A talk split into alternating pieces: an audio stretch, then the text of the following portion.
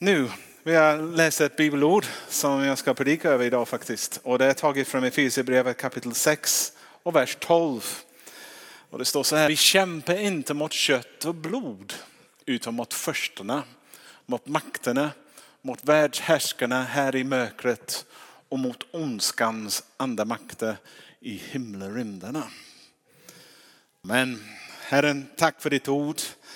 Tack att det finns en enda bok, det är inte en enda bokstav som är nedskriven som inte är viktig och denna texten är viktig med.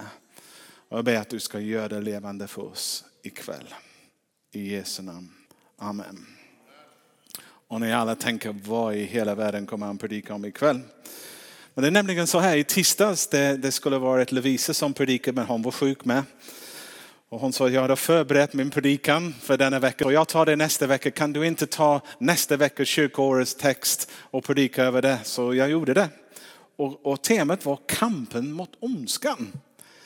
Och sen dess har jag bara tänkt på det också. Så det är lite så att man, man läser in sig en sak och jag predikade över det i tisdags. Och sen man börjar tänka mer om det, så är det. Om du är predikant, du bara tuggar på texter hela tiden och, och tänker på olika vinkel på dem. Och Gud bränner dem på ditt hjärta. Och en sak som har slagit mig väldigt stort, jag tänkte, tänk att även kristna som, som skriver kyrkoårets texter fattar att det är viktigt att det ämnet predikas om minst en gång om året i alla fall. Eh, det betyder att, att det, det inkluderar det i den viktiga saker som en sund församling skulle ha en förhållande till och en förståelse över. Och Bibeln är supertydligt när det förklarar för oss att vi befinner oss i en krig med en osynlig fiende som gör allt han kan för att försöka förstöra och fördärva mänskligheten. Eh, och jag vet att det är inte alla människor som tror att eh, det finns en sån kamp. Och jag, jag minns många gånger när jag var brandman och jobbade med mina kollegor där. Att de sa till och med så, ja men djävulen är mycket mer rolig än, än ni. Det jävla, om jag hänger med honom då har vi det kul, då är det fest, då är det kvinnor, då är det eh, dricka och allt sådär. Då, då är det bara härligt. Ni är tråkiga. Och, och, och, jag sa till honom, jag tror inte fienden någon gång har din bästa på sitt hjärta. Han har ingen annan avsikt än att fördärva dig, få dig eh, att göra bort dig så att du bara hamnar så långt ner som du kan i fördärvet. Och jag minns att det var en brandman som han, han, han bara skrattade, nej, han sa, jag tror inte på det. Och sen några månader senare han hade haft det lite så kallad kul som han hade haft det. Och hans fru hade kommit på det. Och nu är han på jobbet. Han gråter. Hans fru har lämnat honom. Han har ingen tillgång till barnen. Hans liv är kaos. Och han sitter där och alla andra brandmännen försöker uppmuntra honom. Och jag kunde inte låta bli. Jag bara säger, men det, det, ser inte så kul ut till mig det som, som du gick med på. Jag kanske skulle inte ha gjort det. Och jag gjorde inte det med avsikt eh, för att göra honom irriterad, bara för att göra det som en undervisningsstund för alla dem. Är synden verkligen kul? Nej, det är inte. Känns det bra nu? Och det kan vara en liten stund, men ofta det är första steg på en nedförsbacke. Som om vi fortsätter i den vägen eh, hamnar vi verkligen på en obehaglig plats. Eh, utan förmåga ska jag också tillägga, ta oss själv därifrån. Jesus kallar vår fiende djävulen för lögnens fader. Han, han säger så här, ni har, när han talar faktiskt till de religiösa, till fariséerna och skriftlärde, han sa så här, ni har djävulen till far och vill följa er fars begär. Han har varit en mördare från början. Han har aldrig stått på sanningens sida för det finns ingen sanning i honom. När han talar lögn talar han utifrån sig själv. För han är en lögnare och lögnens fader. Det var ingen bra beskrivning. Jesus verkligen säger att det finns ingen sanning i honom. Om vi följer hans väg, om vi lyssnar till hans röst, om vi följer hans råd, hans värderingar kommer det inte leda det som han påstår att det ska ledas till. Och den goda nyheten i hela Bibeln är är att Jesus har kommit för att göra slut på djävulens gärningar och allt som han har för sig. Och det, en bibelvers som fångar detta så bra i Johannes 10.10 10, som står. Tjuven kommer bara för att stjäla, slakta och döda. Men ja, det är Jesus som säger att har kommit för att de ska ha liv och liv i överflöd. Två olika sidor. En vill fördärva, en vill dra oss ner och andra sidan Jesus vill lyfta oss upp och ge oss ett liv värt att leva. Och den andlig kamp som, som vi pratar om i kyrkan, det är mellan egentligen sanningen och lögn. Mot det som är rätt och det som är fel egentligen. Och Jesus är sanningen. Men vår fiende, han är lurig. Och han är expert på manipulation. Och under kyrkans historia har det varit gott om människor som i god tro, och jag säger i god tro, har stridat och kämpat mot vad de trodde var fienden. Bara för att senare inse att det var Gud själv de kämpade emot. Så vår fiende, vi kan tro att vi fight den goda kampen, vi, vi kämpar för Gud och ändå kämpar emot honom och betjäna fienden istället. Och jag har skrivit upp en rad här. Det finns, den mest självklara eh, är de religiösa ledare som levde när Jesus gick på jorden. De trodde att de gjorde Gud en tjänst när de eh, motsatte sig mot Jesus, försökte gräva under hans förtroende och på alla möjliga sätt försökte hindra honom från att röra sig bland folket och undervisa folket. De trodde av hela sitt hjärta att de tjänade Gud när de förhindrade Jesus. De trodde när de fängslade honom, slog honom, till slut korsfäste honom. Att det var någonting positivt eh, för Gud. Att det blev positivt, det var någonting annat. Men deras hjärtats uppsåt var inte det. Och sen man kan tänka på Paulus. Han var supersmart. Om du läser vad Paulus skriver, han, han är en teolog verkligen. Han var en av de mest lärda män i sin tid. Och han kunde religion, han kunde Gud, han hade läst gamla texter och sånt. Och han var smart. Men ändå, han lurades att vara med till och med om, ett kors, eh, om en korståg när han fängslade de kristna. Till och med vara med och stenade dem, dödade dem. Han trodde i all sin rätt att han var på Guds sida. Han var en trogen kämpare som kämpade en andlig kamp och tog bort alla de eländiga kristna som står i vägen.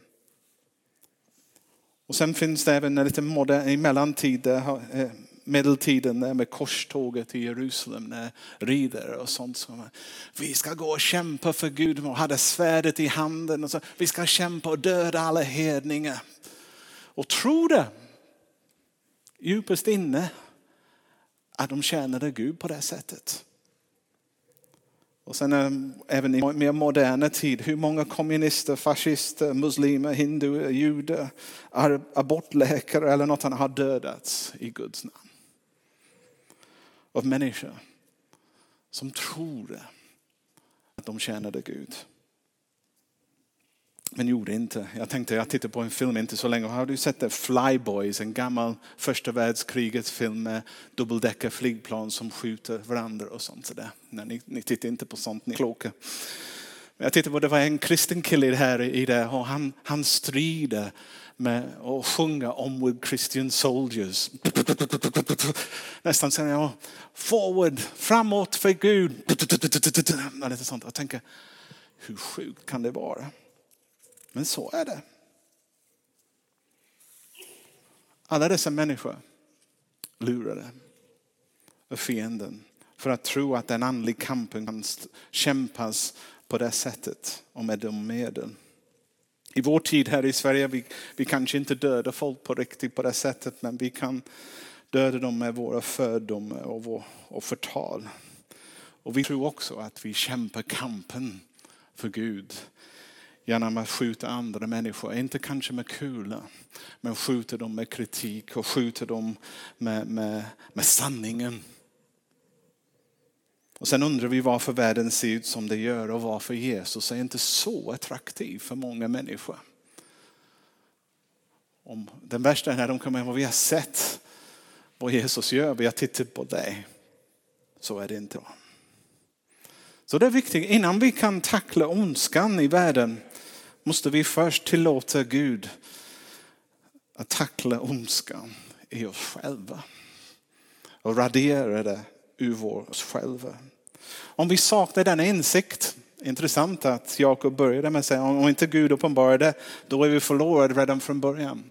Men när Gud uppenbarade att vi är i behov av en räddare, vi är i behov av en totalt hjärtförändring. Om vi inte landar där och säger innan vi fixas kan vi inte fixa någon annan eller tillrättvisa någon annan.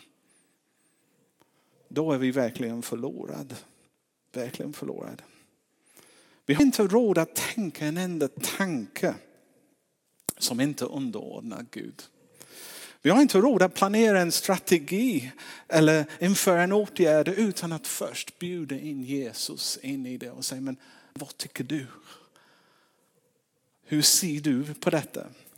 Det står i Jesaja, mina tankar är inte era tankar, säger Herren. Nej, liksom himlen är högre än jorden, så är mina vägar högre än era vägar och mina tankar högre än era tankar.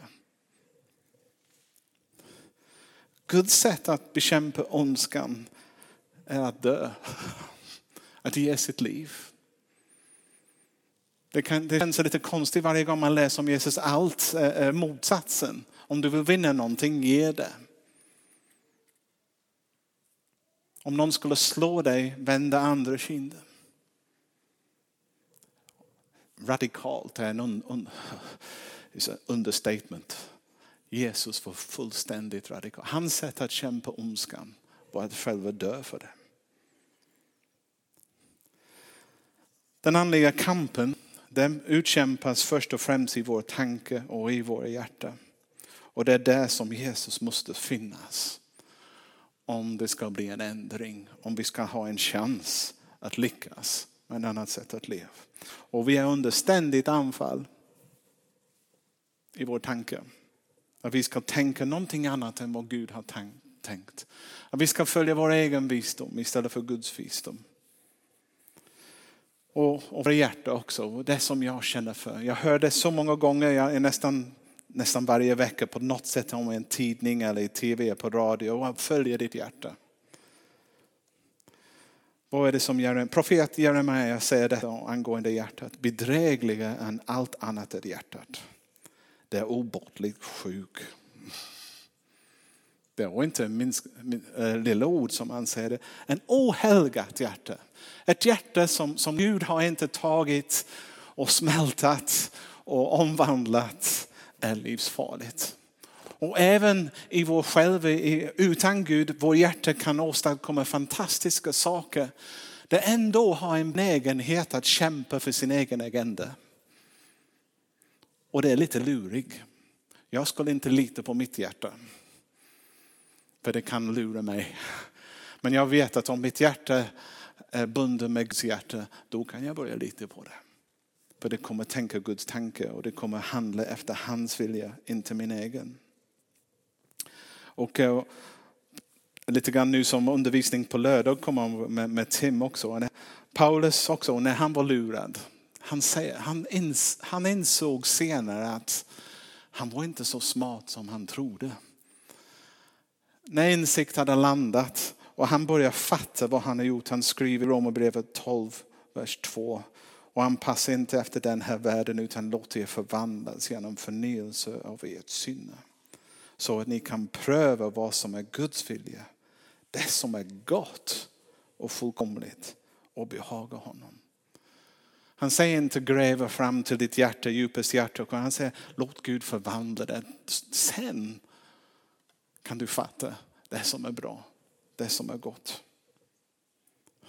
Och när vi bjuder in Jesus in i vårt hjärta och i våra tankar, då börjar vi återspegla Guds hjärta och Guds tanke.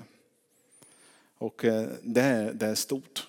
Jag stort. Jag, jag, jag är inte säker, så, så här, så, jag, jag är inte säker att vi förstår storleken och omfattningen av den förändring som sker när vi bjuder in Jesus i vårt hjärta, i vår tanke. Det är, inget, det är ingenting mindre än, än, än, en ny människa. Och det är vad Bibeln säger. Vi är födda på nytt. Du är någonting nytt. Det är en helt annan sätt att tänka. Det är en helt annan sätt att agera. En helt annan värderingspaket som du får med. Du kan inte säga att du är samma efteråt när den kommer att landa i våra hjärta. Allt, för, allt förändras när vi, bjuder, när vi börjar se andra människor också med, med, med Jesu ögon. När vi ser oss själva också med Jesus ögon. Och när vi ser oss själva lite grann med alla våra brister. Alla våra tillkortakommande. Till vår själviskhet. Och vi börjar se det med Guds ögon. Och sen få smak av den nåd. Och den kärlek som Gud trots allt detta. Trots vårt tillstånd har Gud överseende med oss. Han går en extra mil med oss. Han gör allt han kan för att lyfta oss och hjälpa oss och ta oss till en plats där en förändring kan ske. När vi börjar smaka på det och se att han, han blir aldrig trött. Och när vi förstår det och vi tar den tanken till andra människor och börjar se dem på samma sätt. Och förstå att Gud älskar dem lika mycket. Gud har samma tålamod med mig. Samma goda tanke. Det finns lika mycket nåd för dem som det finns för mig. Någonting går snett. Plötsligt man börjar fatta. Någonting har hänt inom mig. Så jag säger, säger Jesus, älska er fiender och be för dem som förföljer er. Då är ni er himmelska fars barn. När vi gör som han gör, då kan vi kalla oss kristna egentligen. För han låter sin sol gå upp över den onda och den goda och låter det regna över rättfärdiga och orättfärdiga. Det betyder egentligen att Gud, han älskar välsigna dem som inte förtjänar det. Lika mycket som han älskar dem som, well, kan vi någon gång förtjäna det? Men du förstår vad jag menar. Han tänker inte, nej jag ska straffa dem, de, de, de där. Han säger, min godhet ska gå ut över hela mänskligheten. Jag vill att alla får smaka det goda som jag har för dem. Det är mitt hjärta. Och när ni gör samma, då kämpar ni ondskan verkligen. En av de mäktigaste vapen som vi kan ha i vår hand. När vi ser våra egna brister och svaghet, vi blir mer nådig själv. Vi blir mer barmhärtig. Vi blir mer förstående för andras brister och svagheter. Vi blir mer mänsklig helt enkelt. När vi älskar andra, någonting otroligt mäktigt händer inom oss. Guds kärlek börjar strömma in och flöda över och förvandla oss inifrån ut.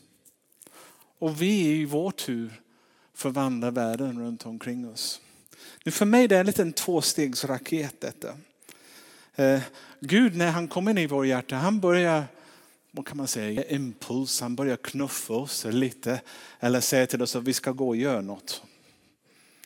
Och, och det kan börja med att börja bli lite mer generös och dela med sig vad man har. Men, men sen kan det komma också att jag ska faktiskt gå och hjälpa den person som jag inte riktigt gillar. Och det kommer, du, får, du får en utmaning att göra det. Och du får också kärlek till den. Men när man verkligen tar steget fullt ut och börjar betjäna den som du inte egentligen hade tänkt att göra i början, eller börjar bli generös, då lösas någonting inom det. Och då, det är en stor tvåstegsraket. Det börjar, Fumf! då kraften slår till på en helt annat sätt. Och plötsligt man märker att det är därför jag lever. Hur kul det är. Hur kul det är. Jag kan inte hjälpa att tänka, jag, jag, jag gillar att lyssna till Bill Gates faktiskt.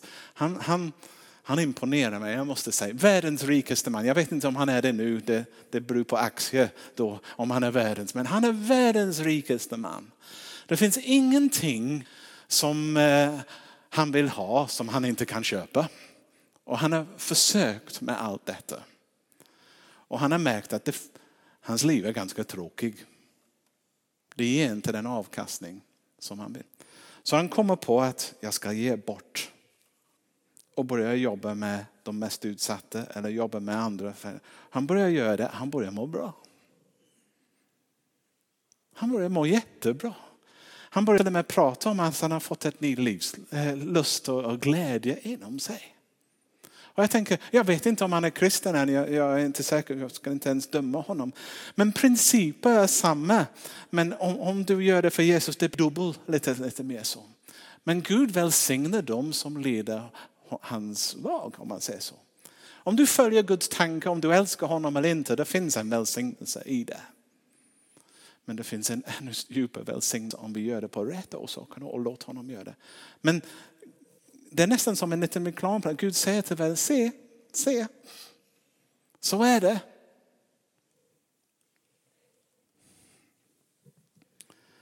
Jag säger, kära församling, vi är inte kallat enbart att predika evangeliet. Den goda nyheten.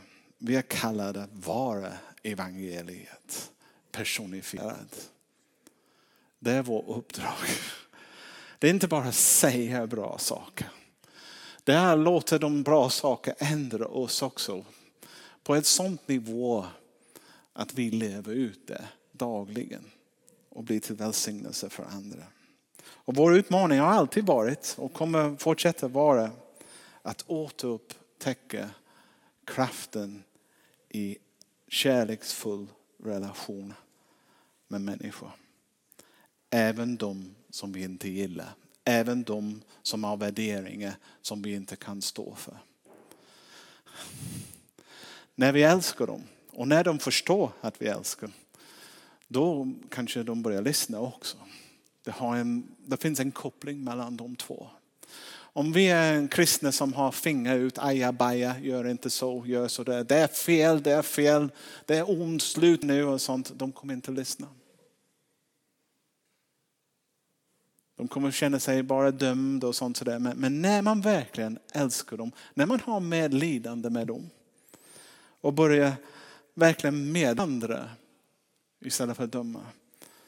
Då är fienden besegrad. Nu jag har skrivit två meningar som jag måste läsa för jag, om jag får dem fel det är allt blir tokig. Men jag har övat. Man, som predikant man övar en mening och, och sen man inser efter man har gjort det tio gånger och det kommer ut fel. Man tänker jag läser det istället. Så är det. Men jag får, till sist, vi kämpar inte mot kött och blod för den är inte orsaken till ondskan utan bara bärare av den. Det är därför vi inte kämpar mot den. En gång. Vi kämpar inte mot kött och blod för den är inte orsaken till ondskan utan bara bärare av den. Nästa mening. Den helige ande måste bekämpa vår kött och blod så att vi i vår tur inte bekämpar andra kött och blod utan anden bakom det. Vet ni det? Den heliga ande måste bekämpa vår kött och blod så att vi i vår tur inte bekämpar andra kött och blod utan anden bakom den. Med andra ord, när vi ser alla människor som dyrbara syskon älskade av Gud och som Jesus har dött för. För att rädda och befria dem. Allt förändras. Och vi börjar ställa frågor istället. Typ, vilken lögn har de gått på? Eller vad är fiendens taktik att få dem att göra så här och så där? Och det är inte den, och, och, och, och hatet är borta. Omsorg är framme. Kärleken råder. Och det finns en passion bakom för att hjälpa och att lyfta upp dem. Och det finns ingen skadeglädje i att se att de fördärvar sig själv. Och sen kan vi använda de vapen som, som Gud har i sin vapenförråd. Som kärlek och sanning och Jesus auktoritet och kunskap om Guds rike. Kunskap om en sann identitet och kraften i Jesu blod för att rena oss från all synd som vi ska fira om en stund. Sådana vapen som alltid verkar så fruktansvärt bra och gå till orsaken av skada istället för den kött och blod som det går. Jag tror när Jesus säger jag är vägen, sanningen och livet. Han menar det. Han också säger ingen kommer till Fadern utan genom mig. Det är endast genom Jesus. Jesus är den stora sanningen. När vi släpper in honom blir våra lögner avslöjad. Hans sanning ersätter dem. Vi börjar få ordning på denna fallna kropp och börjar se att vi återspeglar vår far istället för fienden.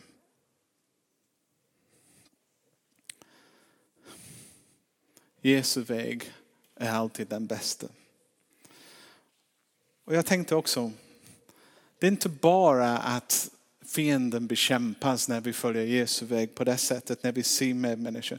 Denna kultur av kärlek och se varandra på det sättet är också en förutsättning för även de nådegåvor fungerar. Jag har tänkt på det eftersom vi undervisat dem varje torsdag nu. Att nådegåvor kräver egentligen en kultur av nåd för att man fungerar. Om vi har en, en kultur av nåd, det är otroligt hur mycket nåd vi får. Och de gåvor fungerar mycket bättre.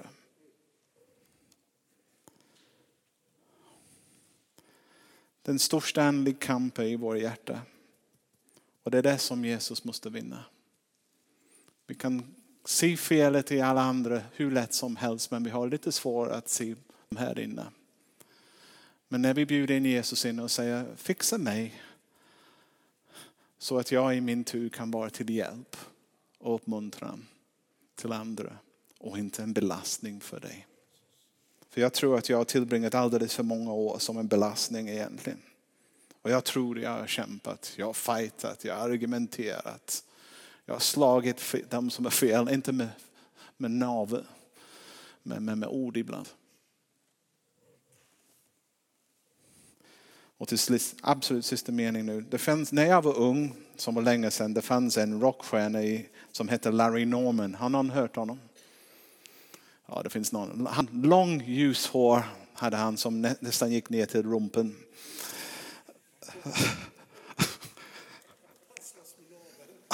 Det var jag kom ihåg. Jag tänkte, snälla någon, han måste gå till... Ja, ja, men han, han, han skrev många kristna låtar i protest under Vietnamskriget.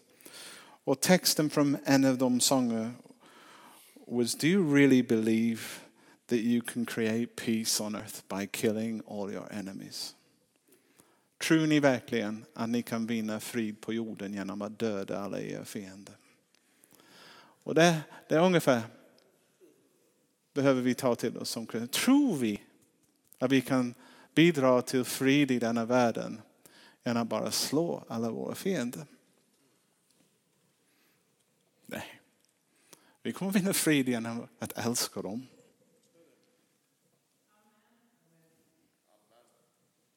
Och låta Jesus förvandla oss. Och när vi tar de vapen som Jesus använder, då kommer vårt land förändras. Ska vi be. Jesus, jag tackar dig att det inte bara är en massa regler att vara kristen. Det är inte bara en mönster du vill ha. Du, du faktiskt går på djupet. Du förändrar oss på insidan. När du säger att du, du var född oss på nytt, du menar det. Du kan gå rakt in i den djupaste platsen i våra hjärta. Du kan plocka ut ondskan. Du kan driva ut onda andar, du kan läka sår. Du kan till och med plantera en så goda frukt. Det finns ingen gräns på dig när vi släpper in dig. Tack att du gick hela vägen till korset för att dö för oss, för att ge oss denna chans. Tack att fienden var verkligen besegrat på korset. Tack Jesus för det hoppet som du har för oss. Hjälp oss bjuda in dig nu ännu mer i våra hjärta. Amen. Amen.